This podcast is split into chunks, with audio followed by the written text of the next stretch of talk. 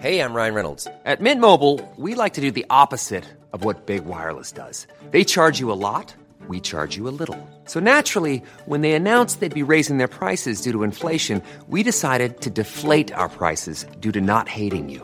That's right. We're cutting the price of Mint Unlimited from $30 a month to just $15 a month. Give it a try at mintmobile.com slash switch. $45 upfront for three months plus taxes and fees. Promo rate for new customers for limited time. Unlimited more than 40 gigabytes per month. Slows. Full terms at mintmobile.com.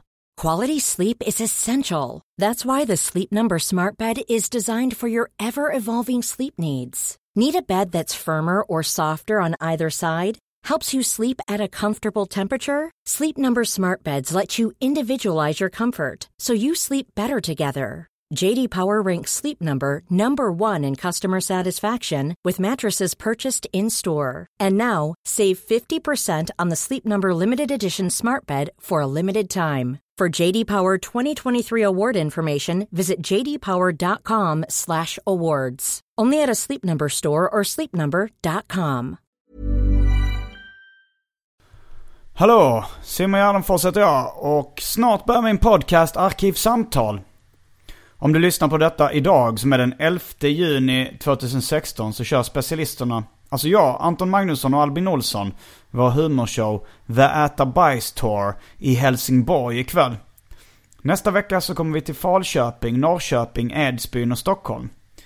Det här är en upplevelse utöver det vanliga. Så om du vill se så är det viktigt att du köper förköp. För vi har redan sålt slut i några städer. Så gå in på underproduktion.se och scrolla ner till The Äta Bajs Tour och följ instruktionerna i hur man köper biljetter. Nu har antagligen uh, vår nya singel släppts också. The Baby Dance med Simon G och Mr Cool. På Spotify. Där släpps den under artistnamnet Specialisterna. Uh, men det finns även en video på YouTube som är väldigt speciell. Och uh, övriga gig jag har i massa svenska städer med far och son och som komiker hittar ni på gardenfors.blogspot.com. Och glöm inte att följa mig på sociala medier som till exempel Instagram. Där heter jag atgardenfors. Nu kommer Arkivsamtal som klipps av den mycket skickliga Mattias Lundvall. Mycket nöje!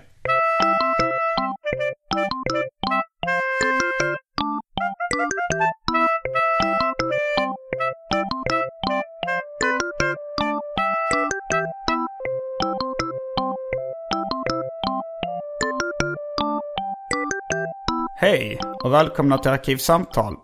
Jag heter Simon Gärdenfors. Och mitt emot mig sitter Hanna Fahl. Hej! Min första gäst någonsin i Arkivsamtal.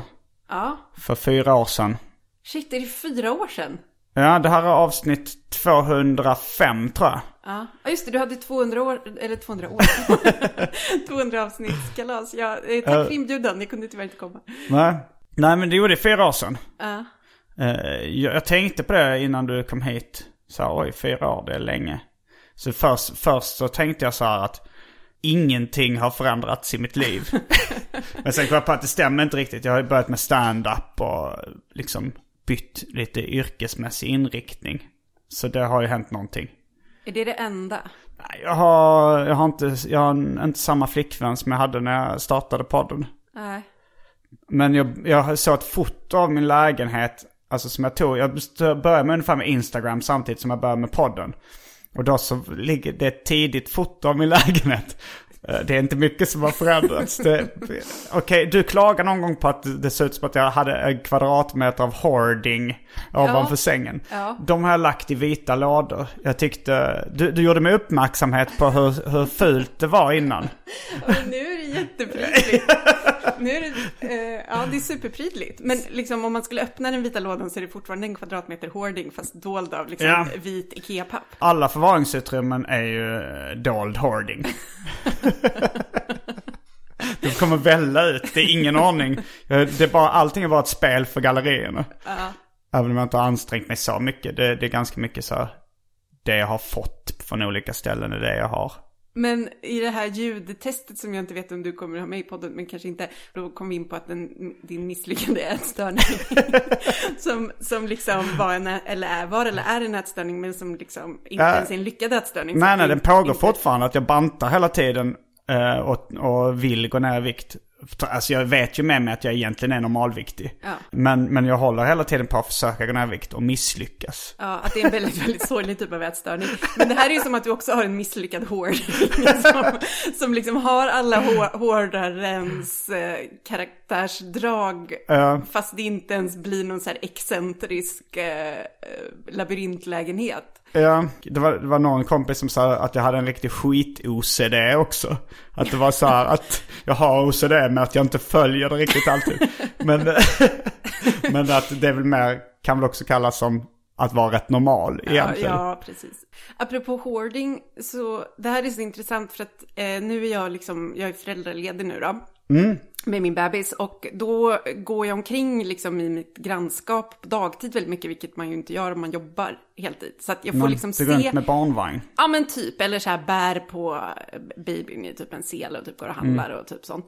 Eh, och då ser man en, en sida av sitt grannskap som man inte lägger märke till kanske annars om man jobbar. Bland annat så är det en eh, hemlös man som bor i, eh, tror jag, eh, tunnelbanestationen i Alvik. Och han verkar vara en hemlös hoarder. Vilket man kan tänka att det är väldigt svårt för man har liksom ingen plats att hoarda sina saker på. Men han har jätte, jätte, jättemånga papperspåsar och plastpåsar med liksom, jag har försökt smygtitta eller så här, snegla och se vad det är Ja. i dem. Men det verkar liksom bara vara så här klassisk hoarder skit liksom. Bara en massa krafs i de här påsarna. Och sen så ibland så har han liksom rekordartat har han haft typ så här ett 20-tal sådana påsar som står på prydliga rader. Ibland har han liksom med nere på kanske 4-5 påsar och då tänker jag kanske att det är någon som har slängt hans påsar eller någonting så måste han börja om och, och samla Det påsar. för ju tankarna till eh, David Liljemarks film Jakten på Bernhard. Ja, Som du också har sett. Där blir Ja. ju en hoarder vräkt i den Just det. filmen. Och han, han vägrar ju flytta till en början men sen när han blir vräkt så försöker han bära ut så mycket han bara kan i påsar. Och sätta på cykeln. Så att det, det Men kanske jag är... tänker att det kan vara, ja så kan det kanske vara för den här mannen. Det är väldigt fascinerande. Jag har liksom inte vågat, jag har inte upparbetat mod nog att fråga honom för han verkar inte vara så himla socialt intresserad av att prata med folk. Men eh, eh, honom liksom ser jag varje dag nu. Ja. Eh, mm. Har du funderat på att skriva ett reportage om honom? Ja, jag vet inte. Det känns som att det skulle kunna finnas en intressant eh, historia där. Fast förmodligen inte. Förmodligen är han bara en tråkig, vanlig, vanlig man liksom. Alltså det var det blev ju, David Liljemarks film om hoardern blev ju jättespännande. Den här eh, jakten på Bernhard. Mm, den är, ja, den är svinbra. Det var jättelänge sedan jag såg den. Visar jag om det. Ja, han dog nog innan filmen var klar. Spoiler alert. Eh, ja, men du, du har inte varit med i Arkivsamtal på ett år ungefär. Nej, Vill du skylla på bebisen? Jag skyller på bebisen. ja men först var jag ju liksom på smällen i nio månader och det var inte typ uh, the most glorious nio månader av mitt liv. Jag tyckte det var ganska tråkigt. Eh, Men eh, brukar inte du gilla att ligga och kolla på tv och äta ostsnacks i alla fall? Nu är det det jag gissar att man gör när man är gravid. Fast liksom, det är liksom inte lika härligt att göra det när det är det enda man orkar göra. Jag vet inte, att ligga, TV och, ligga i soffan och kolla på tv och äta ostsnacks är ju mitt livs guld. Fast det är det ju för att det är som en så här protesthandling och någonting man inte riktigt hinner göra eller får göra eller sådär. Ja. Men ja, förutom det så brukar du säga att din livsstil har bestått mycket av att spela mobilspel och lyssna på poddar. Ja, det har jag i och för sig gjort riktigt mycket också. Så jo, Men fast... är, det, är det för att du inte har kunnat göra fysiskt aktiva grejer? Eller Ja, men supa alltså, eller så här? ja, så- men alltså på riktigt så tyckte jag att det var så extremt tråkigt att inte få eh, dricka alkohol. eh, men det var, det var faktiskt förvånansvärt tråkigt. Det var som att typ hela, hela så här... Ja men det var som att det, det kommer låta jättehemskt, men det var som att det, man liksom berövades en hobby. eh, och då har jag in, inte, skulle jag säga, haft något särskilt osunt eh, alkoholbruk. Eh, men det var, det var faktiskt fruktansvärt tråkigt. Och jag insåg hur mycket av mitt sociala liv som typ kretsar kring det. Ja, men jag vet inte. Sen var, blev man ju typ som en riktigt så här, skruttig 98-åring fysiskt. Jag kunde typ inte gå på slutet. Jag hade typ kryckor och typ... Oj, det är, jag tycker inte var ofta man säkrar vidare med kryckor. Nej men det är för att de ligger ner för att det enda de orkar är att ligga hemma och kolla på ostsnack. Så att de, typ, Kolla samhället konfronterar, ja, kolla på ostsnack för att man typ spyr om man äter dem. Och det är för att samhället liksom inte konfronteras med detta hemska. Ehm, Så ja, först gjorde jag det i nio månader och sen så kom det en gullig baby och den är kul. Men då hinner man liksom inte göra så mycket poddar Nej. heller. Men, Är du, du är mammaledig nu alltså? Ja, det är jag. Har jobbat lite grann, men, men mest ledig. Men apropå att sakna alkohol. Ja. Det har blivit dags för det omåttligt populära inslaget Välj drycken. Ja!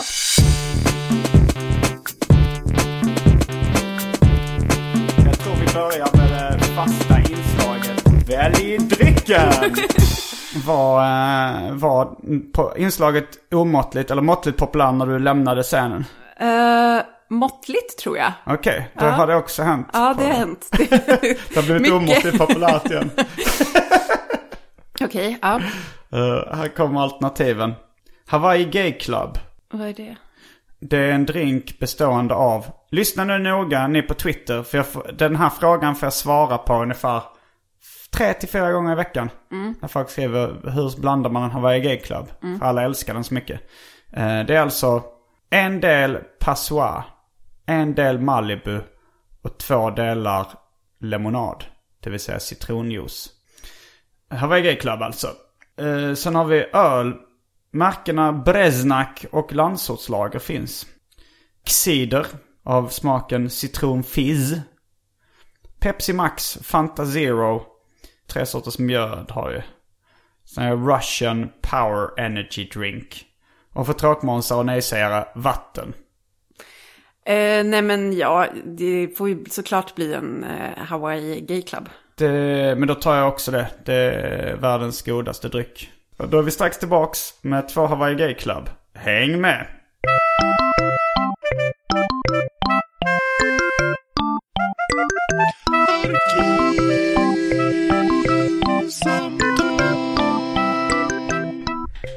Helvete vad festlig.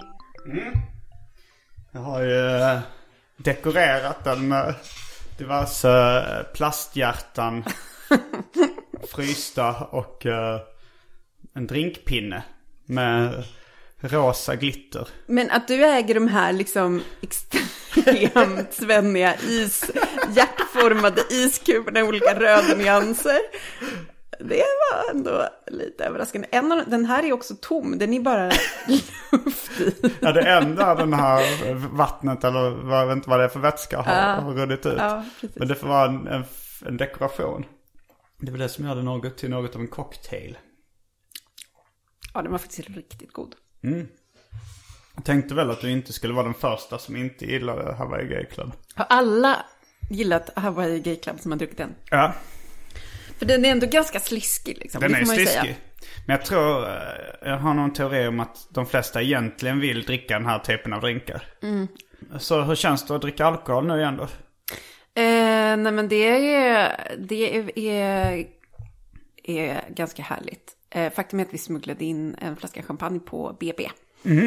Så att, eh, alltså, jag ska också erkänna, jag kanske drack liksom något, ett glas vin eller så när jag var på smällen också. Men grejen är, det som är jobbigast med det är ju verkligen det sociala stigmat. Typ, var- för, att, för att jag var så rädd att bli liksom utskälld offentligt av någon om Du de inte upp såg. det på Instagram? Nej, men också vi hade, jag kommer ihåg vi hade någon så julfest på jobbet i, i vintras och eh, då var det, du vet, så här ett välkomstglas champagne. Och så fanns det typ ett alkoholfritt alternativ. Så då tog jag ett alkoholfritt alternativ och sen så viskade jag till min kollega Kristoffer att han skulle liksom gå och langa ett glas riktig champagne till mig. För jag inte kunde med och göra det själv för att det var så, eh, jag kände mig så smutsig. Hur farligt är det liksom att eh, dricka under graviditet? Jag har hört att amning inte är alls farligt egentligen. Nej, det är inte farligt. Men, mm, men alltså, allt sånt där är, det är också riktigt sjukt med att vara på smällen. Att eh, det finns liksom ingen sansad information om någonting. Det är ju Nej. typ så här, ja vi kanske inte egentligen tror att det är farligt att dricka ett glas vin eller två. Men varför skulle du behöva veta det? För du vill väl det bästa för ditt barn? Det finns ingen som typ kan säga så här, ja, att bo på Hornsgatan med jättemycket avgaser kanske är farligare än att dricka ett glas vin Nej. när du är på smällen. Så att eh, jag vet faktiskt inte. Men, inte så eh, farligt med barnet blev friskt. Eh, det blev friskt. det blev eh, helt friskt och eh, eh, är väldigt gulligt. Du, ehm, skaffade, som jag fattat, du har skaffat barn med kompis. Ja, det två kompisar? Två kompisar. säga. Mm. Det verkar ju ändå vara ett rätt bra alternativ. Ja, alltså jag kan säga nu efter några månader att jag kan typ inte förstå varför inte alla gör det. Det är superpraktiskt. Ja, jag tänkte på det när jag sa att du hade gjort det. Att det är ju den formen av kärleksrelation med sexuell karaktär känns ju ganska mer bräcklig än en kompisrelation. Så, så eh, om man nu vill liksom vara komp eller liksom ha en bra kontakt. Eh, så är det låter som ett jättebra alternativ egentligen. Eh, ja, jag kan rekommendera det. Vi är också tre, vilket är typ, alltså jag kan typ inte förstå hur man pallar att vara själv. Eller alltså de som är ensamma med barn. Alltså de, de måste typ, eh, all min respekt i världen till dessa människor för att vi är tre och jag tycker typ att vi är ganska fullt upp. Liksom. Men ja. Men hur länge har du och din tjej varit ihop? Är ni sugna på bebis? Nej, jag är inte speciellt sugen på det. Jag tror inte hon är det för tillfället heller. Men eh, vi har varit ihop i ett år. Men det, det, vi blev ihop när du var med sist. Nej, men det var ungefär ett år sedan. Men vem är hon? Jag typ inte ens, jag vet inte ens vem det är. Jag kanske, jag kanske ska spela in ett eh, avsnitt med, vi har snackat om att spela in ett avsnitt tillsammans. Ja. Eh, hon eh, håller på med musik också. så men- då behöver hon nog en promotion. Hon, har, hon ska släppa sin första singel och förmodligen mer snart. Ja. Så då, då tänkte vi kanske göra det i samband med det släppet. Ja, att, ett, ja, ett marknadsföringsavsnitt. Ja men det är väl lika bra att om man, om man ska prata om hennes musik och sådär så kanske det är bra att det finns någonting ute att lyssna på. Men eh, liksom, vad, men vad gör hon för grejer då? Jag skulle nog kalla det för cloudy R&B Okej, ja. Och ja, lite åt det hållet. Men det är inte typ att ni sitter hemma och bara, älskar vi kanske ska göra ett musikaliskt samarbete? Jo, men det kommer vi nog göra. Jag tror hon ska eh, bland annat eh, gästa... Jag ska, jag ska ha tre gig på Emmaboda i sommar. Ett med stand-up, ett som är soloartist och ett som heter Simon G med vänner.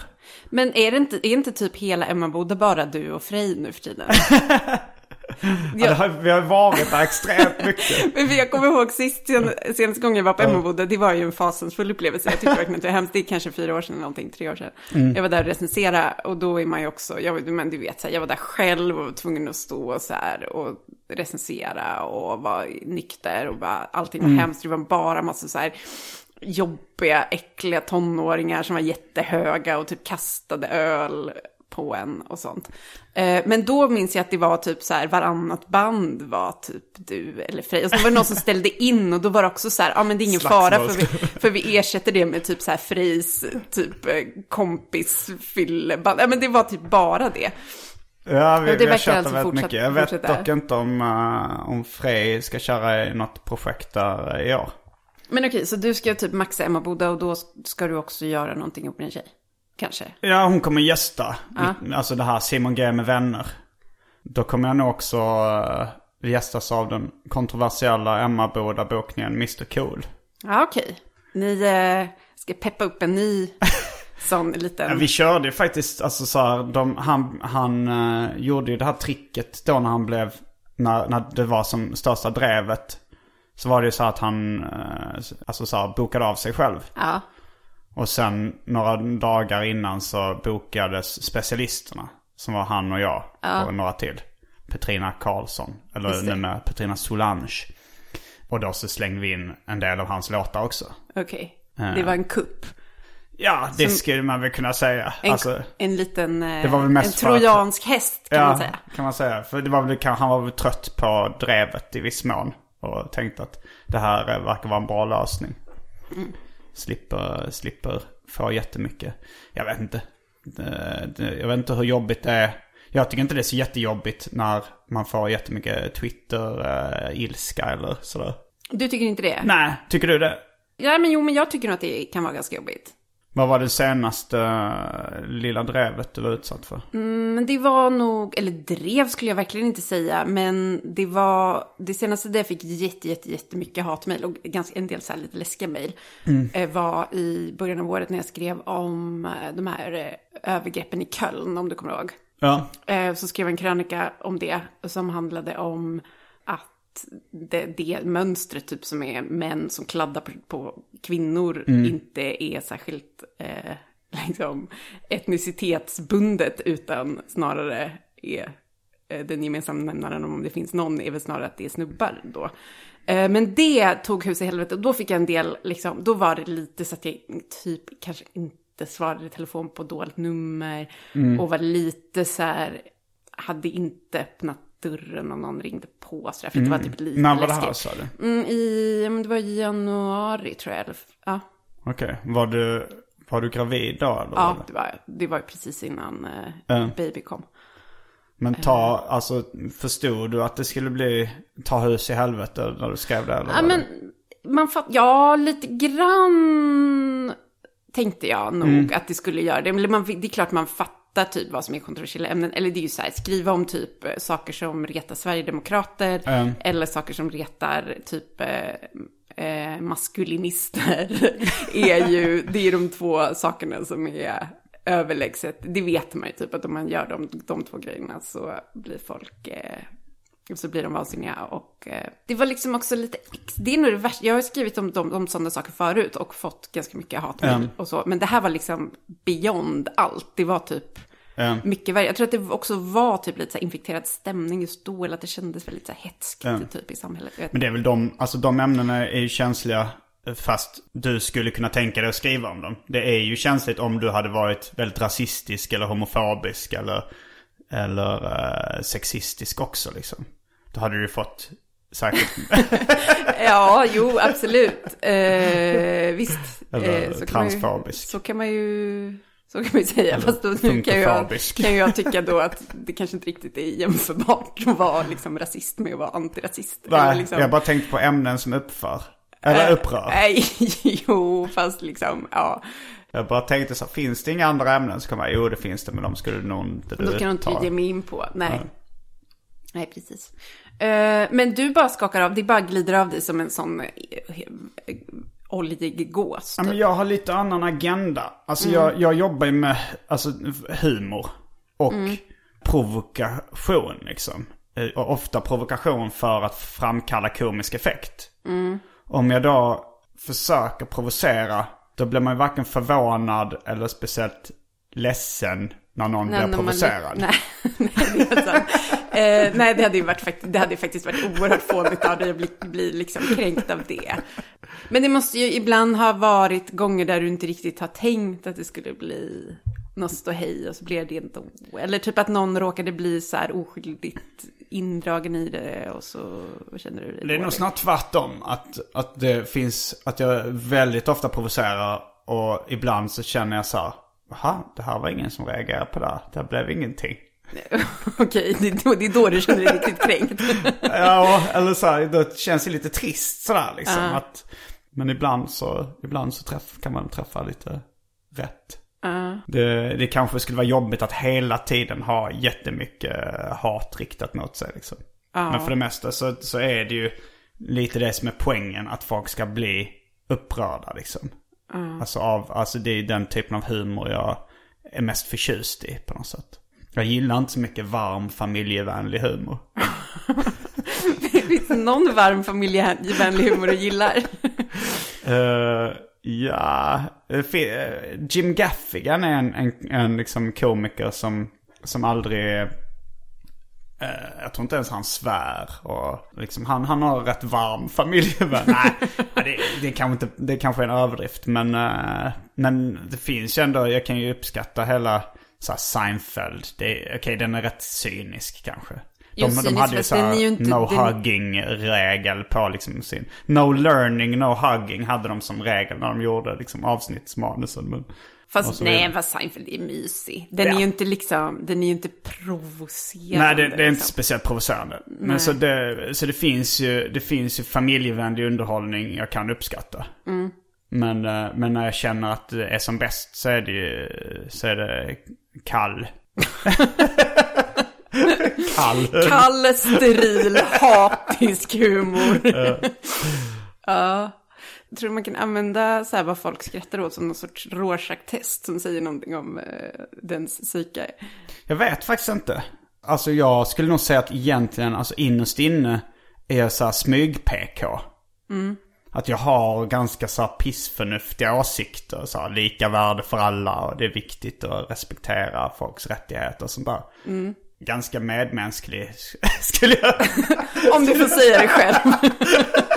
Nej, men faktum är att det, jag Men tror att det är så- sant. För jag har tänkt på det att du egentligen är ju, en, alltså egentligen typ, så har du någon så här blödig liten inre, så här, ett litet bultande hjärta för typ så här sunda värderingar Jo, har och typ. Ja. folks lika värde. Jo, jag tror vi, vi har nog ungefär, vi skulle nog ungefär eh, rösta på samma uh, saker, liksom uh, sakpolitiskt. Förutom kanske eh, humor och yttrandefrihet, där du vill begränsa. Är det här en referens till vårt bråkavsnitt? det är kanske det roligaste avsnittet vi har gjort jag. Det var de som trodde att det var därför du hade varit borta i, i ett år. På grund För att vi inte det. pratar om varandra, med varandra längre. Eh, nej men eh, jag tror det är nog svårt att göra sånt Rorschach-test eftersom jag kanske ger intrycket av att vara en fruktansvärd person baserat på vilken humor jag har. Mm. Och jag ger intrycket av att vara en väldigt härlig person men egentligen är ett riktigt, riktigt litet svin. Eh, men okej, Men skrattar du åt uh, varm familjevänlig humor? nej det gör jag väl inte kanske, eller. Alltså jag skrattar liksom inte, haha, skrattar åt så mycket alls egentligen. Skrattar du aldrig när du lyssnar på Kevin Smiths poddar? Nej, honom lyssnar ju mer på av någon sorts konstigt tvång än att jag, det är inte haha roligt heller För egentligen. jag har skrattat åt hans poddar. Alltså, Högt liksom, du kan sitta hemma själv och typ så här lyssna och slå dig lite för knäna. Ja, och men jag tror det. Al- Alltså kanske så här eh, att när, jo men ibland när han och hans kompisar har ofta rätt så här smittande skratt också. Ja, de men det har de i och för sig. Sitta och skratta jättemycket åt något. Jag, vet, jag har aldrig liksom spelat in mig själv, men jag tror nog att jag har skrattat högt ett antal gånger. Jag tycker att det blivit lite jobbigare med, om vi ska gå in lite på Kevin Smith, att det Ja. blivit lite jobbigare med att han skrattar så mycket när han är så stenad. Och då liksom, och så här, är man själv liksom sitter bara på tunnelbanan en helt vanlig dag, man är liksom inte med riktigt, eller man känner lite så här, men det här är liksom beyond vad mitt medvetande kan ta in just nu. Jag Jo, det finns ju så här gränsfallsmörker i det när han verkligen så här... liksom, Ja, man har precis, skratta sig precis. jättelänge Ja. på det sättet som jag gör. Fast liksom åt något litet, litet skämt. Och det, och det ökade ju absolut sen när han började röka Ja, väldigt mycket ja men precis. Och där kan man nå en gräns där man känner lite så här, nej men, nej, men nu, nu, blir det näst, nu blir det här nästan lite, jag vet inte riktigt, det blir, det blir nästan lite jobb, sorgligt på något sätt. Men, Mm. eh, nej men, nej, men jag vet inte, jag skrattar inte haha åt så mycket heller, men familj, mjuk, varm familjevänlig humor. Nej, jag skrattar inte åt det heller, men jag kan uppskatta det för att det typ är så här lite mysigt. ja, men du vet, ibland så vill man bara ha något som är lite så här tryggt och så här härligt. Men du vet så här, eh, jag kan ju gilla, jag gillar ju Parks and Recreation jättemycket. Och det skulle jag säga är ganska så snäll familjevänlig humor. Alla i den serien, har du sett den? Eller? Nej. Ja, men det, det är ju um, Amy Polars serie som handlar om typ så här, kommunpolitiker i en liten amerikansk stad. Eh, och den är, jätte, den är smart och typ så här eh, super eh, skickligt skriven och jättebra och allt det där. Den är ju liksom inte, den är inte så här, typ alla älskar Raymond. Eh, men den är ju snäll, liksom. Alla i den serien tycker om varandra innerst inne. Du vet så här, om ingen, det är inga riktiga konflikter. Det är så här, eh, de jobbar tillsammans för att lösa problem och det kan jag tycka är ganska härligt. Mm, ja men sånt kan jag uppskatta också i... eh, jag gillar, har, speciellt kanske så på 90-talet gillar jag så lite slacker-filmer. Där det knappt hände någonting. Ett- För de flesta filmer har så här, eh, först målar de upp världen liksom. Den här personen har en sån här livsstil och...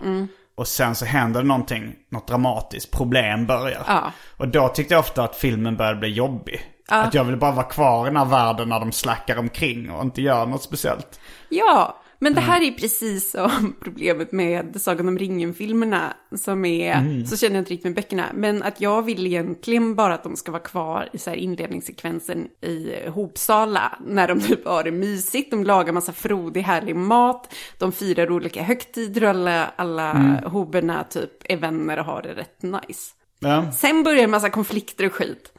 Jag kommer kolla mycket på sådana här eh, gettofilmer och sånt där. Mm. Så finns en som heter Juice med bland annat eh, Tupac i en av rollerna. Ja, den har inte jag sett. Eh, men den, där var det så i början att de hänger i en arkadhall och spelar en så här videospel och lagar mat och häller lite Fordis i maten. Bara så här, det är verkligen så slacker. Och sen så blir det en, att de dödar en, någon liksom. Eller någon av killarna dödar någon och så blir det liksom jättemycket problem och jag bara tyckte fan kunde det inte vara kvar i den här Ja. bara slackervärlden. Men det, det finns ju sådana filmer, alltså som då filmen Slacker av eh, Richard Linklater till exempel. Så, Eller, ja han har väl gjort några sådana, kanske den här uh, Dazed and Confused. Det är väl också rätt mycket så att det inte händer eh, direkt någonting. Ja, om vi säger alla Richard Linklater-filmer. Ja, men precis. Men ja, Kevin Smith-filmen är ju typ också så. Jo, så är de ju faktiskt. Det kan vara lite mer relationsdrama kanske. Om man tänker på Chasing Amy eller... Jo, men precis. Men det är ju så här, men Clerks eller så. Det är ju Ja. egentligen bara att de hänger runt och har det mysigt. Ja, absolut. Hey, I'm Ryan Reynolds. At Mint Mobile, we like to do the opposite of what Big Wireless does. They charge you a lot, we charge you a little. So naturally, when they announced they'd be raising their prices due to inflation, we decided to deflate our prices due to not hating you. That's right. We're cutting the price of Mint Unlimited from $30 a month to just $15 a month. Give it a try at mintmobile.com slash switch. $45 upfront for three months plus taxes and fees. Promo rate for new customers for limited time. Unlimited more than 40 gigabytes per month. Slows. Full terms at mintmobile.com. Even on a budget, quality is non-negotiable. That's why Quince is the place to score high-end essentials at 50 to 80% less than similar brands. Get your hands on buttery soft cashmere sweaters from just 60 bucks, Italian leather jackets, and so much more. And the best part about Quince, they exclusively partner with factories committed to safe, ethical, and responsible manufacturing. Elevate your style without the elevated price tag with Quince. Go to quince.com slash upgrade for free shipping and 365-day returns. Hiring for your small business? If you're not looking for professionals on LinkedIn, you're looking in the wrong place. That's like looking for your car keys in a fish tank. LinkedIn helps you hire professionals you can't find anywhere else, even those who aren't actively searching for a new job but might be open to the perfect role. In a given month, over 70% of LinkedIn users don't even visit other leading job sites. So start looking in the right place. With LinkedIn, you can hire professionals like a professional. Post your free job on linkedin.com slash achieve today. Mm, den här, eh, du brukar ju förstå för, eftersom jag har lämnat Kevin Smith-världen i mångt och mycket. Så får du stå för Kevin Smith-bevakningen i Arkivsamtal. Men- Så nu har vi ett års Kevin Smith-bevakning. Och, Eh, gud, vad fan har hänt? Jag ligger faktiskt lite efter i Kevin Smith också. För ja, att det trots är... att du har, jag tänkte att du skulle ha extra mycket tid att lyssna på poddarna. Ja, man kan tro det. Tänk. Fast det är, känns, eh, man känner sig lite som en dålig mor om man har hörlurar när man typ är med babyn. För att man typ vill höra om den skriker och sådär. Men så att, nej, jag ligger faktiskt lite efter. Jag började lyssna på hans, han har ju startat en podd eh, ihop med en av de här nerdist personerna där de kollar igenom Frasier från början och eh, gör ett kommentarspår till varje avsnitt av Frasier. Jävlar. Gillar Eh, du Frasier? Ja, eh, det gör jag. Jag tyckte mycket om Frasier en gång i tiden. Och nu blev, har jag blivit lite sugen på att se om det också. För jag bara lyssnat på de här poddarna och då, utan att titta på avsnitten. Och då är det ju bara att de typ sitter och så här fnissar åt olika saker i Frasier. Och eh, det är väldigt mysigt. Ehm, så det är väl den senaste Kevin-podden som jag har liksom grävt ner mig i. Jag blev lite populärkulturellt efterbliven eftersom jag inte hade kabel-tv som Mm. tonåring. Alltså jag fick inte det förrän jag flyttade hemifrån. Mm. Eh, och så jag missade Frasier. Alltså jag hade inte... Jag fick, jag fick väl så vissa kassettband med Yo MTV Raps och kanske liksom eh, sånt där. Så jag, jag har inte missat allting. Men, men vad var Frasier? Det var inte det en spin-off-serie på en På annan... Cheers, jo. På Cheers, okej. Ja, eh, precis. Eh, Frasier Crane liksom var en, en eh, karaktär i, eh, i Cheers. Och Okej. han, eh, i Frasier så flyttar han hem till Seattle och han jobbar som radiopsykolog. Och så har han sin bror Nile som är en väldigt så här eh, stuck up person. De är liksom lite så här överklass båda två. Eller så. Fast så har de sin pappa som är en sån arbetarklassgubbe. Både Frasier och Nice har gjort en klassresa kan man säga. Och så flyttar eh, Frasier in hos sin pappa för han hittar ingenstans att bo. Och så är det typ comedy ensues. av det. Mm. Ja. Fish out of water. Ja, men typ. Och så har de lite konflikter mellan pappan och Frasier och det är mycket Men blev det inte någon det. spin-off-serie till Frasier sen också? Eller? Va? Blev det? Jag vet Nej. inte, det är kanske jag som har blandat ihop det. Att det Vad var... det är så fall. Men vad, men är det inte någon av dem som är slipsförsäljare i grunden eller något liknande? Alltså någon, Va? Nej. jag bara jag hörde tror någon det. historia där det var någon som sa så att de träffade någon kille som sålde kostymer eller slipsar och sånt och tyckte att han var så charmig. Och så gav de honom en roll i någon tv-serie. Jag vet inte om det var Frasier eller om det var någon annan. I så fall är det här mer än vad jag vet. Jag kan inte säga att jag har liksom nördkoll på Frasier. Men, uh, I don't know. Eh, nej men sen så har ju Kevin också haft premiär på Yoga Hosers. Um, den har inte jag kom sett den än. filmen in i bilden? För att äh, Tusk sa jag. Eh, det var någon skräckfilm han gjorde om eh, Ja. en, eh, någon som klädde ut sig till valross. No, det är ju en typ galen vetenskapsman som bygger om en person till en valross. eh, snarare. Eh, nej men sen bestämde han sig för att göra en trilogi med typ kanadensisk filmer som utspelas i Kanada typ. Så att Yoga Hosers är ju nummer två i denna serie. Och nummer tre ska vara eh, Moose Jaws. Som är filmen Jaws fast med en älg. Eh, och Yoga Hosers spelar hans, eh, alltså Kevins dotter Harley Quinn spelar en av huvudrollerna. Och så är det Lily Rose Depp, alltså Johnny Depps eh, dotter. Eh, har en liten, liten roll i Task där de står typ och säljer i någon så här convenience store. Och de två, de karaktärerna är liksom huvudpersonerna i Yoga Hosers. Kommer Johnny Depp vara inför rätta snart eller hur var det? Ja men ja, det där undrar man ju också. För han är ju, har ju också typ en sån cameo i Task och i Yoga Hosers. Ja. Eh, så, I don't know. Jag vet inte. Men, eh, men för, för när jag lämnade Kevin Smith-världen så hade han ju på gång filmen eh, Hit Someone. Eller han snackar ju först, han snackar egentligen om att sluta med film liksom. Och bara, bara podda. Ja men så är det ju alltid. Han typ bara, nej men nu ska, jag, nu ska jag göra det här, det här blir min sista film, det här är min sista stora projekt. Och så bara, mm, nej fast Hit Somebody kommer istället att bli en tv-serie, vilket lämnar utrymme för en film till och det blir den här. Och sen så hittar han en... Blir Hit Someone en tv-serie? Nej, jag vet inte riktigt. Det var på G, jag har inte hört om det har blivit något definitivt. Sen, var det, sen så i Metro så stod det så att Kevin Sm- Smith ska göra en tv-serie som heter Hollyweed. Som handlar om en så här eh, cannabis dispensary. Ja, precis. Det är någon liten så konstig sitcom han håller på att skriva. Okej, men den är inte klar. Eh, det, den har inte börjat sändas än i alla fall. Men den gör, skriver han, tror jag, eller han är ju inblandad på något sätt med Ralph Garman. Har Som då håller i podden. eh, här, eh, Hollywood Babylon. Ja. Ja. Men vad, har du några specialintressen förutom då Kevin Smith och... och Du har Nej. mycket, säkert rätt bred tv-kunskap i allmänhet. Jo, men det har, men jag, ja precis, men jag har ganska så här, egentligen så har inte jag den typen av hjärna tror jag som blir så. Det är ingen kalenderbitare. Nej, jag har liksom inte, jag har inte liksom riktigt så här förmågan eller så här, eh, det kommer inte naturligt för mig riktigt att memorera eh, saker på det där sättet som vissa kan göra. Ehm, Ehm, och liksom suga åt sig kunskap inom ett visst ämne. Så att nej, jag har nog egentligen inte, du hade ju säkert Det- kunnat göra så här, ett så här specialavsnitt om Kevin Smith. För du kan ju säkert allting om hans liv. jo, fast det har jag nästan lärt mig det, är, det har jag lärt mig på grund av det här tvångsbeteendet jag har och lyssna på allt han Men det gör. kan man nog säga rätt Eh, mycket om de flesta kalenderbitare. Ja, Jo, jo, precis. Men har jag några andra sådana? Nej, men det har jag nog egentligen kanske inte.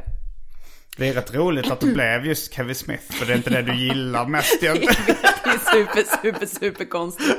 Eh, ja, det är faktiskt jättekonstigt. Eh, ibland så tycker jag faktiskt aktivt illa om de poddarna jag lyssnar på också. Som till exempel eh, en som hans kompisar gör, eh, Tell 'em Steve Dave. Där jag faktiskt tycker att de är riktigt dumma i huvudet och kan bli på riktigt dåligt humör av att lyssna på dem. De är så jävla körda.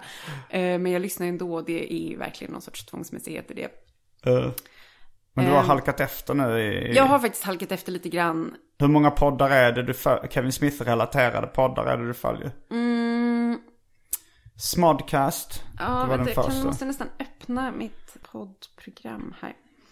Jo, men Smodcast och Hollywood Babylon och Tell 'em Steve Dave och den här Frasier-podden som heter Fan, det är något ordvits med toast salad and scrambled eggs. Talk salad and scrambled eggs tror jag det är. Jättedålig ordvits. Och sen är det... Det är väl lite hans grej med dåliga... Ja. Edumacation och Isel Comics. Och... eh, Vad sa du? Ice of Comics? Isel Comics. Ja. Uh, Phoebe som inte heller är Kevin utan hans kompis, eller producent Scott Mosher. Och sen är det Fatman och Batman. Jane Silent Bob Get Old. Ja, det är nog dem. Tror jag. Det kanske är tio då. Jävlar. Så det är ofta, det blir ofta, de avsnitten är en och en halv timme långa. Mm. Så det är ofta 15 timmar i veckan. Ja, men, ja. Nej, jag liksom, det är inte, de kommer inte riktigt varje vecka. Eller vissa Nej. kommer lite mer sporadiskt och sådär. Eh, jo, men absolut. De veckorna när jag, verk- de perioderna när jag verkligen, verkligen är liksom on top av hela Kevin Smith-flödet så är det ju väldigt många timmar i veckan. Men då kan det också vara typ, att det är mycket att jag typ sätter på en och, och så kanske jag så här, sover lite middag medan den pågår och somnar och vaknar lite. Jag kanske inte är 100% koncentrerad alltid. Ja. Jag googlade det idag. Och då så sa jag, en, jag vet inte om det var en Google-sökning som var relaterad till mig. Men det, en av de första som dök upp var Hanna Fahl och Adam Svanell. Han är en återkommande gäst i, Just i den här det. podden också. Men det måste handla om den här eh, eh, räkmackehistorien. Räkmackegate. Ja men precis, för det var ju, gud hur var det här nu igen? Det var ju på bokmässan i höstas. Så var ju jag där och Adam skriver ju för Svenska Dagbladet och jag skriver för DN. Och eh, så var det en jättefånig historia med typ, ehm, Jag började läsa lite och jag fattade inte vad som var på skämt och vad som var på allvar. Nej, men det var, det var typ en incident på bokmässan som blev så här jättefånig där en gäst skulle vara med i en Aftonbladet monter och så kom inte den och så blev det typ massa ståhej och folk var kränkta och skrev massa kulturartiklar om det. Och sen så skrev Adam en parodi på det här bråket i Svenska Dagbladet. Ja. Så Adam publicerade den här parodin på det här vad, riktiga det för, bråket. vad var det riktiga bråket? Vem var det som inte hade kommit? Och... Eh, jag kommer knappt ihåg hur det var nu. Det var... Åsa Lindeborg skulle intervjua... Jag hade typ glömt vem det var hon skulle intervjua. Uh, gud, jag måste nästan googla det här. Vänta. I alla fall, eh, Adam skrev en parodi på det här där han... Blandade, han hittade på att jag och Adam hade ett bråk. Ja, det var inte Eh, sant en- att ni skulle äta en räkmacka Det var ingen, nej, ingenting med det här var sant. Vi skulle inte äta räkmacka. Men däremot så såg det ut i Adams artikel som att jag var med på skämtet. För att han skrev så här, replik kommer i DN. Mm. Och då var det som att jag var tvungen att lite vara med på skämtet. Då fick jag skriva ett svar på den där. Ja. I alla fall, så det här, var, det här var två parodiartiklar som publicerades i Svenskan och DN. Och de var ganska, det var ganska roligt om man kände till det ursprungliga bråket. Men väldigt många gjorde inte det, utan trodde att jag och Adam hade en, på riktigt ett bråk om en räkmacka. Så det kom liksom ganska många mejl tror jag till både mig och Adam från så här folk som typ bara, nu får ni skärpa er. Alltså parodibråket handlade om att du hade sagt att ni skulle käka en räkmacka ihop i Göteborg. Och sen så hade du ställt in. Ja, precis. Och sen var det massa komplikationer kring det. Ja, precis. Och det här var liksom en, en, en satir över ett verkligt bråk som skedde på boxen. Men allt det här är helt obegripligt om man inte typ hade detaljkunskap om det här Jo, parodin stod sig inte för sig själv riktigt när jag började läsa. Nej, nej, nej, nej, verkligen inte. Det var, byggde ju helt på att man hade läst de här. Ja, nej. Så det här är helt ointressant egentligen. Men ja, det måste vara det det handlar om. Eh, Hanna Fahl och Anna Sandell. Eh, jag undrar om de googlingen är för, för att folk tror att vi har en beef på riktigt. Det har vi inte. Jag tycker jättemycket om Anna Nej, man märkte det när man började läsa det. Ja. eh, att du inte hade. Men har, har du varit inblandad? Alltså det är ju en annan. Det är ju inte ett drev riktigt men kulturbråk. Nu när Mm. du varit på kultursidorna ett tag. Mm. Har du hamnat i något kulturbråk? Nej. Alltså grejen är, jag tycker ju verkligen inte om att debattera. jag tycker att det är jättetråkigt. Och bara stupid ointressant. Så att jag är inte riktigt den som så här, du vet. Så här, Det blev ditt favoritavsnitt av Arkivsamtal när det blev något av en het Ja, debatt. men det var den sagt. Det var bara roligt ju. Men typ att så här, att skriva en replik på något som någon har skrivit. Du eldar inte upp dig som August Strindberg eh, i tidningarna. Nej, eller jag, nej, jag kan elda upp mig lite i, hemma själv. Men sen om jag, när jag skulle, så här, om jag skulle sätta mig ner och försöka så här, skriva någonting argt om någonting. Eller så här, skriva ett svar på någonting. Så orkar liksom aldrig. Eller jag, jag känner aldrig typ att det är så intressant att jag vill. Eller så pallar och hålla på med någon så här lång följetong av, av eh, svarsartiklar. Det, är inte min, det är inte min bästa format. Nej. Så nej, jag har nog inte varit in. Jag hade nog kunnat vara om jag hade velat liksom. Men jag brukar snarare bara ignorera. Vad, det, vad har kommit närmast då? Alltså när du, det, har du aldrig blivit attackerad på någon annan kultursida? Jo, det har jag nog blivit. Fast då har jag bara liksom inte fortsatt det. Då har jag bara Nej. låtit det vara. Så här, bara, ja, men det ja, okej, okej då, liksom. då, får, då får, den får vi säga så. Och sen inte riktigt orkat så här. Men du kanske inte är en del i den världen av eh, kultursverige där folk debatterar och bråkar på sidorna. Nej, men jag hade nog kunnat vara om jag hade varit lite mer lagd åt det hållet tror jag. Mm. Eh, fast jag är bara inte det. Jag tycker bara inte att det är så kul. Men Vissa tycker nog, vissa får nog liksom bränn, eller så här känner att sig, att de känner sig levande av det. Liksom. jo, Men eller jag- att är inte kan låta bli. Ja, att folk så precis. Ja, men precis. arga så precis. att Att, de... eh, man liksom i affekt så här hamrar ut någonting och så blir det bara värre och värre. Ja, nej, det är inte riktigt min, min grej, Nej. tror jag. Så när ska du tillbaks till jobbet igen? Mm, efter sommaren Mm. ska jag. Fast Jag ska inte jobba riktigt heltid, men då ska jag börja jobba igen. Det ska bli faktiskt riktigt skönt. Jag jobbade lite i maj när det var Eurovision. Mm. Då skrev jag lite eh, idén. Fal på festival. Exakt. Fall på festival fick rycka in från föräldraledigheten. Det var ju, eh, det var ganska kul kände jag att jobba. Jag kände Mm. att det var skönt att inte vara, veta att man inte var helt hjärndöd eller typ så.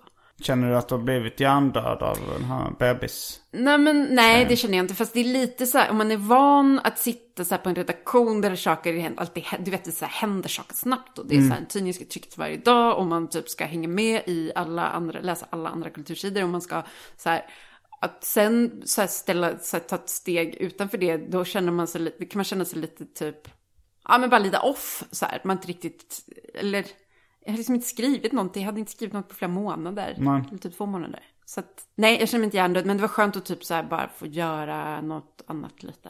Skriva lite igen. Så att jag ser ganska mycket fram emot att börja jobba, att det blir skönt. Vad ska du göra i sommar? Eh, jag har, har kanske 30 gig eller någonting. Du ska på turné helt enkelt. Ja, Men vadå, ståuppgig eller musikgig eller? det är ungefär hälften hälften. Så nu har vi idag med specialisterna som är Anton och Albin så har vi The Äta Bajs Tour. Där vi ska runt i en tio städer eller någonting. Och sen så har jag en slapp timme som ska fortsätta i höst. Sen eh, kommer det massa fason-gig och lite lösa stand-up-gig. Eh, nej, så det, det kommer nog bara bli eh, gigga och sen ska jag, tänkte jag passa på att åka till Degeberga samlarmarknad. Vad är det? Ja, det är min, min, min farmors gamla hus på, på landsbygden där liksom i, i östra Skåne, i Degeberga. Där har de en sån här varje år en, en samlarmarknad. Där folk som samlar på olika saker har olika stånd. Och så säljer de och det kanske sker en del byteshandel och sånt där. Och där var jag när jag var liten och samlade på serietidningar. Och, men det är ju mycket så här förpackningar och leksaker och olika grejer. Så, men, men senaste där, det var inte jätte, jätteroligt kanske, just själva marknaden. Men det blev också som en sån här, okej, då åker jag ut på landet och hänger lite med mina släktingar och kan ta det lite lugnt då. Vad, men ehm, ja, jag ska vara typ en månad på landet också i Västergötland. Mm. Med vem då? Nej men alltså hemma hos mina föräldrar. Men Mm. Ja. med, eh, med babyn och babyns pappa kommer att bo, typ, har hyrt ett hus typ där också. Så Okej. jag ska vara där ett tag. Eh, men nu blev jag så, undrar om du har något gig i närheten? Eh, det kanske jag har. Är det i närheten av... eh, Det är ju alltså Lidköping typ, fast det är så här Skara, är nära Skövde, ganska nära Götene. eh, Jag ska kolla på min 30 lång... eh, 30 gig långa lista. Ja. För nu Jag kände jag att det hade varit en så rolig utflykt. Hoppas du ska, vara, hoppas du ska göra Ja. någonting sånt i juli. Jag funderade på ifall jag är Sveriges mest bokade komiker i sommar. Jag, om det är någon som vet någon som är mer bokad. Skriv Men vadå, till mig på 30 Twitter. gig och hälften är som komiker, det är 15, det är väl inte Nej, så inte så jävla mycket. mycket. Det Ja, kan men inte sen vara så så har här jag 10 till rekordmycket. som jag inte har släppt ännu. Okej, ja. Uh, 25, ja det är för sig ja. det är rätt mycket. Det är jag är flera 25 i på en sommar. Alltså som stand-up-komiker. Och sen, men sen det ser ju mer ut också eftersom jag blandar upp det med rap-gig. Ja. Men, ja fast vänta lite. Och det, det, är, det är bara betalgiggen. Sen gör jag ofta en två, tre till i veckan. Som där jag testar nytt material på gratisklubbar i, i Stockholm. Gud, du har verkligen börjat så här, leva komikerlivet nu. Liksom, är, känner du dig som en så här... Ja men typ nu ikväll så skulle, ska du iväg och köra, köra lite. Testa lite nytt material. Gud, Mm. känner du dig som en så här, som man trodde att komiker var när man var liten så här. Man suckar lite, tar sitt, glider ner till klubben, testar lite. Alltså suckar jag väl inte så jätteofta. Jag Nej, tycker okej. fortfarande det är rätt roligt. Alltså Ja. jag tycker fortfarande det är kul så. Ja. Men sen så är det också att jag har det här liksom lite tvångsmässiga beteendet att göra, att jobba nästan hela tiden eller göra saker hela tiden. Så jag har ju blivit även, alltså på de här gratisklubbarna så är det, det är bara en kille som upp- uppträder mer. Det är Carl Stanley. En 19-åring från Helsingborg. Okej. Som, han är jättebra. Men, eh, och, och sen så är det väl jag och han. Och sen så är det en kille som kallas för Atto the Champ. Som också Okej. uppträder hela tiden. Men han, eh, han skriver tyvärr inte så jättemycket nytt material. Han, kör, han har kört samma rutin extremt länge. Eh, lite, lite nytt kommer det ibland. Men, eh, men, eh, men så jag är nog den, den näst mest aktiva komikern i, i Sverige skulle jag gissa på. Men liksom, har, har din, din se, vad händer med din seriekarriär då? Eh, jag har paus från min seriekarriär. Ja. Jag har ju tecknat serier i stort sett hela mitt liv fram tills jag var kanske 35-36. Eh, Jag tecknade ju lite då när jag släppte boken Hobby. När jag började som komiker så vågade jag inte riktigt bara säga så här, nu ska jag satsa på att bli komiker.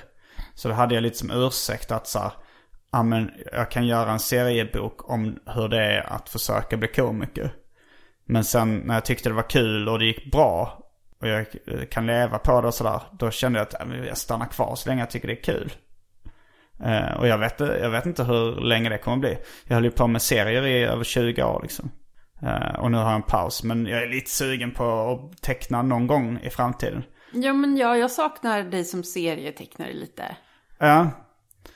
Det, det känns lite som att man har eh, jobb, tränat under vattenytan hela livet så kommer man upp liksom. Och så är allting så mycket lättare. Det är mycket fler som är intresserade av det jag håller på med. Det är fler som liksom, alltså serier är så få som konsumerar. I alla fall den genren som jag jobbar i. Eller i så, i så sätt eh, hela seriebranschen är lite av ett sjunkande skepp. Även Kalanka och liksom Bamse och sånt. eh, Deras upplagor droppar som sten. Det, det går väl lite samma väg som poesi. som var den, den dominerande konstformen på, på 1800-talet. Och sen serier pikade då kanske på 50-talet och har, och har blivit mer och mer marginaliserat. Och jag älskar ju fortfarande, jag läser fortfarande serier och, och gillar det jättemycket. Eh, men det, det är så otroligt mycket mer tacksamt att, syssla med annan form av underhållning. Alltså det är, folk gillar ju rörlig bild och musik. Det är de två stora underhållningsformerna vi har i vår tid. Men tror du att du någonsin kommer att bli liksom en sån komiker som att de typ ringer från så här snacka om nyheter eller du vet så här parlamentet eller den typen av jag vet inte, jag är nog i gränslandet där att jag är för, eh, för vulgär. Och, och det här hela liksom provokationsbiten och att hela tiden försöka vara störig liksom när man får en chans. Det, eh, det är kanske inte... Men, men sam, samtidigt så blir det också att, att den, den sortens liksom panelhumor i, i, i, mar, i marksänd tv höll jag på att säga, eller linjär tv. Det blir mindre och mindre också. Alltså nu, de största underhållarna i Sverige idag är ju Pewdiepie och, och lite andra sådana. Som har 45 miljoner prenumeranter liksom. nej det är sant och det är ingen, nej det är sant och det, Så det- sen blir- så är det ju också lite att eh, det är ingen som skulle, det är ingen som vågar boka Det, nej, du har nog, du skulle, det är nog faktiskt ingen som skulle våga boka dit något sånt. För att då skulle de tänka så här, nej men då kommer det komma något jävla pressmeddelande om att du har typ dödat något barn på någon, på någon semesterresa. Eh, det vågar vi inte riskera. Nej, Så, det, jag tror att sådana grejer kan sätta käppar i hjulet. Men, men det är ju inte, idag är ju inte det så man blir riktigt stor. Eller jo, man kan ju bli det genom eh, eh, Mellon eller... Ja men precis, det känns ju som Paradise så här, det finns ju en nivå som är så här, det finns ju en nivå som är, som är den folkkära komikern, när man kan typ så här, då får man göra grejer i så här, ja men typ Melodifestivalen eller typ så här göra, ja men Simon du får göra humorinslagen i Guldbaggegalan i år, det är svinbra betalt typ. Och så vidare och så vidare. Men dit kanske inte är, det kanske inte är dit man- Jag vet inte riktigt om, eh, om det... Alltså, det är klart att pengar och berömmelse är beroendeframkallande. På något sätt. Det har jag märkt också att, eh, att jag har ju alltid sagt så att jag, så länge jag kan överleva och liksom eh, göra den underhållning jag själv tycker är roligt så är jag nöjd. Men samtidigt så känner jag ändå när man får ett erbjudande om jättemycket pengar så har jag lite svårt att tacka nej. Och det blir ju, ju mer eh, jag får av det desto mer, det är ju, det är, jag har märkt att det är beroendeframkallande. Men eh, varför, jag får försöka undvika det på samma sätt då som en, eh, en missbrukare måste undvika för mycket droger liksom. Eller, Men vadå, men hur mycket, tjänar du i mycket pengar nu? jag har börjat med det det senaste året. Det är ändå så, så att min revisor säger att jag måste starta aktiebolag. Så jag har dragit igång ett aktiebolag tillsammans med min mamma nu. Vad heter det? Jag har också ett bolag ihop med min mamma. Har du det? ja, vad heter Eh, ditt aktiebolag? Vald Entertainment AB. Men det var rätt roligt för att jag och min mamma, vi bråkade rätt mycket om, om min underhållning. Men då, då gjorde vi den här lösningen som var lite If you can't beat them, join them. Att så här, då, då, och då har vi Hittills så känns det som att eh, vår relation är på väg åt rätt håll när vi har ett, så här, ett gemensamt projekt att driva.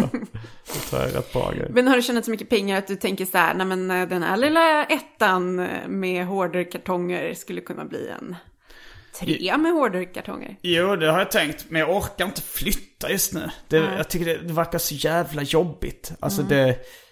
Jag har hört någonstans att det är samma mm, psykiska stress som ett dödsfall inom familjen. Att flytta. Well. Ja, jag läste en serieroman. ja, det måste vara sant. Hur, eh, var det jobbigare eller lättare än vad du hade trott att skaffa barn? Eh, på vilket sätt menar du? Ja men så här, eh, alltså att eh, det här bebisåret liksom. Man, man, man, hör ju, man har ju hört att så här, det ska vara jävligt jobbigt. Men sen tänker jag så här, man kanske blir förvånad. Oj, det var inte så farligt. Eller oj, det var jobbigare än vad jag hade trott. Eller Nej, jag hade nog, jag hade nog föreställt mig att det skulle vara mycket jobbigare tror jag. Aha. Men det var ändå att du sa, du fattar inte hur man kunde vara, alltså så att ni var tre och det var ändå... Ja men precis, men du vet så här, ja, vi är tre och vi har fullt upp, men det är ju så här inte något problem om jag vill gå och spela in en podd en kväll, för att då finns det alltid ju två personer till som kan ta hand om babyn liksom. Så på det sättet Mm. Ja, det ett så här- år tog det ju. Vad sa du? Att... Du kunde ju, det var ju väldigt svårt att få ja, det. men, ja, jo, men eh, eh, nej, men jag hade nog trott att det skulle vara jobbigare. Eller det är inte så jobbigt, det är ganska roligt. Men det är ju väldigt kul med en baby. Mm.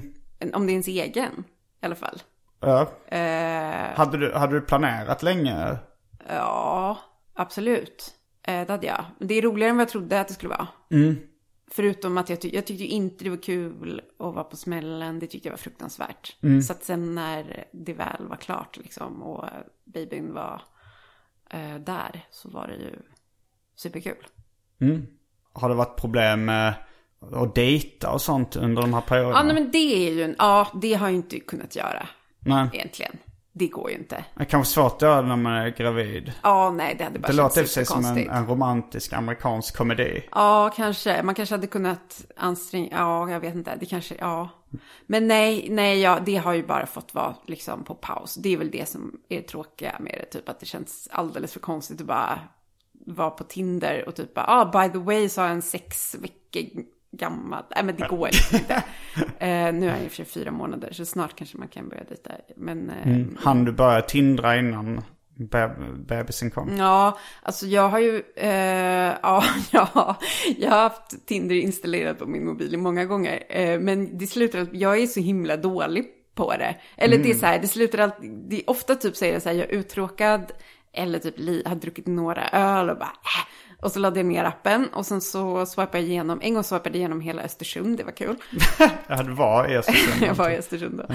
Och sen så uh, flipprar man igenom massa folk och det är ganska kul. Och sen så helt plötsligt så är det någon som börjar chatta med en. Och då får jag panik.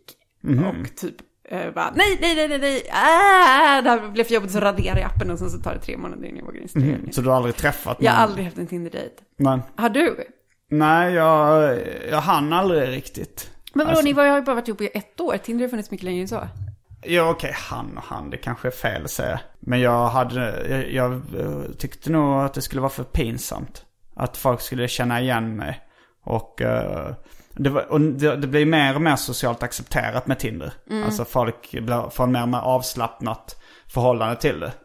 Men jag lever kvar i det här lite, du vet, kontaktannons. Ja, att men man sätter ja, den, den känslan. Jag känner också lite, det är ju dumt egentligen. Jag att- tror det är för att vi är födda på 70-talet. Ja, jag tror också det. Att man, eller, ja, jag vet inte. Det är också lite så här självupptaget av en. Bara, nej, men tänk om någon känner igen mig på, på Tinder från min byline-bild i tidningen. Det är jättetöntigt. Jo, det är men, det.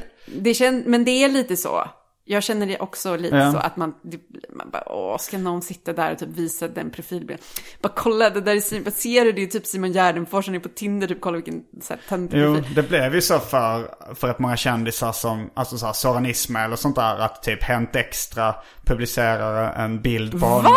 Nej, Uh, jo, jo, det gjorde de. eh, hans Tinderbild typ. Nej, ja men det stod så här, nu efter många misslyckade försök att dejta i verkligheten söker nu Soran Ismail kärleken på, på Tinder. Och så är det en bild på honom. Och sen så är det en pratbubbla där det står, jag letar efter roliga tjejer. Någonting som han enligt enligt honom själv aldrig har skrivit eller sagt. Men gud vad sjukt, det känns, så, det känns som ett så etiskt övertramp. Jag kan inte riktigt sätta fingret på vad det är som är så hemskt med det här, men jag tycker verkligen att det är fruktansvärt. Jag tycker verkligen att det borde finnas en så här so, social kod kring att man, så här, man pratar inte om folks... Som vanligt vill vi inskränka yttrandefriheten. Ja, det vill jag. Det vill jag faktiskt.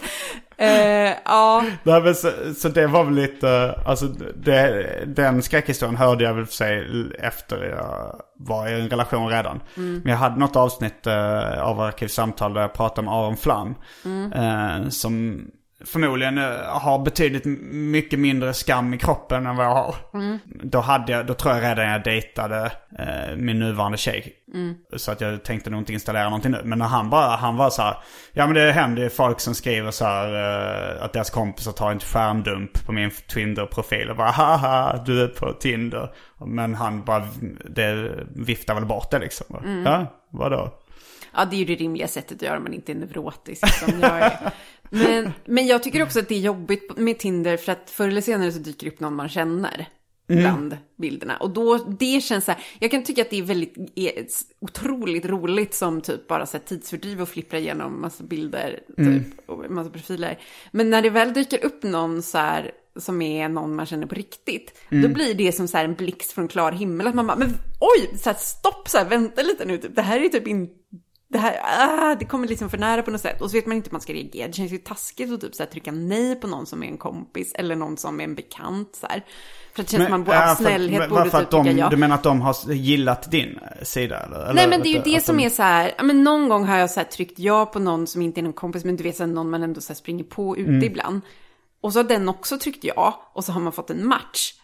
Och då blir det jätteawkward och ingen skriver till den andra och sen så springer man på den ute och då är det ingen som nämner någonting. Det, okej, vi pratar aldrig mer om det här. Alltså det blir så konstig, det är så Ja, konstig... Ja men det blir ju lite som att någon har så stött på en på en fest eller någonting. Ja. Alltså så att det kan bli lite konstig stämning. Ja, jag vet inte. Jag har liksom svårt att... Det kanske också är för att vi är 70-talister, men det där, jag har liksom inte det där i ryggmärgen, typ hur man liksom navigerar de där grejerna riktigt naturligt. Alltså jag, jag det är löser bara, du awkward. tänker på online eller i verkligheten? Nej, online liksom. Mm. På något sätt. Att det blir så... Jag, jag har inte riktigt det i ryggmärgen hur man ska bete sig. Jag är inte så obrydd som man borde vara kring det där. Nej.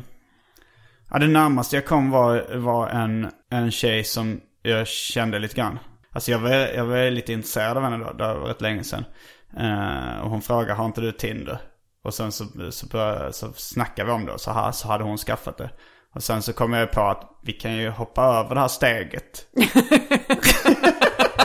att, jag ska, att jag ska ladda ner den här appen. För jag frågade, jag sa väl så halvt på skämt halvt på allvar så här, skulle du så här, eh, skulle du swipat höger ifall jag hade skaffat så här, ja. Så då kan man ju hoppa över steget. Ja. Det där är också så här, för då hade, tänk om du hade skaffat Tinder, hade du fått ägna liksom så mycket tid åt att bara vänta på att hennes profil skulle komma upp. och sen är det också alltid, jag har ju swipat fel så många gånger på folk. Okej. Det, jag tror att om man har betalversioner av Tinder så kan man backa liksom. Mm, man kan ångra sig. Ja, men det är gratisversionen, åtminstone var det så senast jag använde den. Vilket är ganska länge sedan. Men då kunde man liksom inte, man kunde liksom inte ångra. Så att när man sitter så här och så, och så typ swipar man igenom en massa, och så trycker man nej på de flesta, eller i alla fall gjorde jag det. Och sen helt plötsligt så bara så här helt automatiskt av bara farten så har man så här tryckt nej på någon som var, såg jättehärlig ut. Och då kommer den liksom aldrig mer tillbaka. och så kan man inte ångra sig och så, ja, och så får man en sån så sliding doors känsla av typ så här jag har förstört hela mitt liv. Och nu kommer Kan man liksom inte, då, man får skapa en ny prof, Tinder-profil där kanske. ja, jag vet, jag är inte så bra på Tinder. Det kanske finns något sätt att liksom nollställa sina Eller betalar du de åtta kronorna som lyxversionen Ja, kostar? precis. För att kunna backa. Ja. Men eh, okej, men hur Så då träffade du din tjej då? Det började med då ett så här, ett flörtigt meddelande på Facebook. Det var så? Ni träffades så? Ja, men sen så skulle jag köra stand-up då i, i uh, Nynäshamn där hon bodde då på den tiden. Och eh, då så skrev jag så här om, om, du, om hon ville komma dit och kolla liksom. Och så kunde jag skriva upp henne och en polare på gästlistan. Så träffades vi där. Och du tyckte, det var liksom, ni gillade varandra med en gång? Ja, det gjorde vi. Men sen, sen började vi väl träffas lite i Stockholm liksom. Och så efter det. Vi, det var inte så att vi låg med varandra då direkt efter. Det, det, var inte det jag frågade. men vad skrev, vad skrev hon då? Vad skrev hon på Facebook som fick dig att typ ah, nej, men hon verkar superhärlig, jag frågade om hon vill komma på mitt gig och... Vi kanske ska göra det till en cliffhanger och spara allt det här till det avsnittet där hon är med. Ja, ja. Kanske hon också kan vara med och, och välja va, hur mycket hon vill avslöja. Ja, ja vad hon precis, skrev och så. precis. Eh, det kan väl vara schysst. Mm, då avslutar vi med den här cliffhangern. Kul att ha dig tillbaks. Ja, men Nu kul att vara tillbaks. Det får vara mindre än ett år till nästa tillfälle. Ja, det får det. Det var allt från veckans avsnitt av Arkivsamtal. Jag heter Simon Gärdenfors. Jag heter Hanna Fahl. Fullbordat samtal.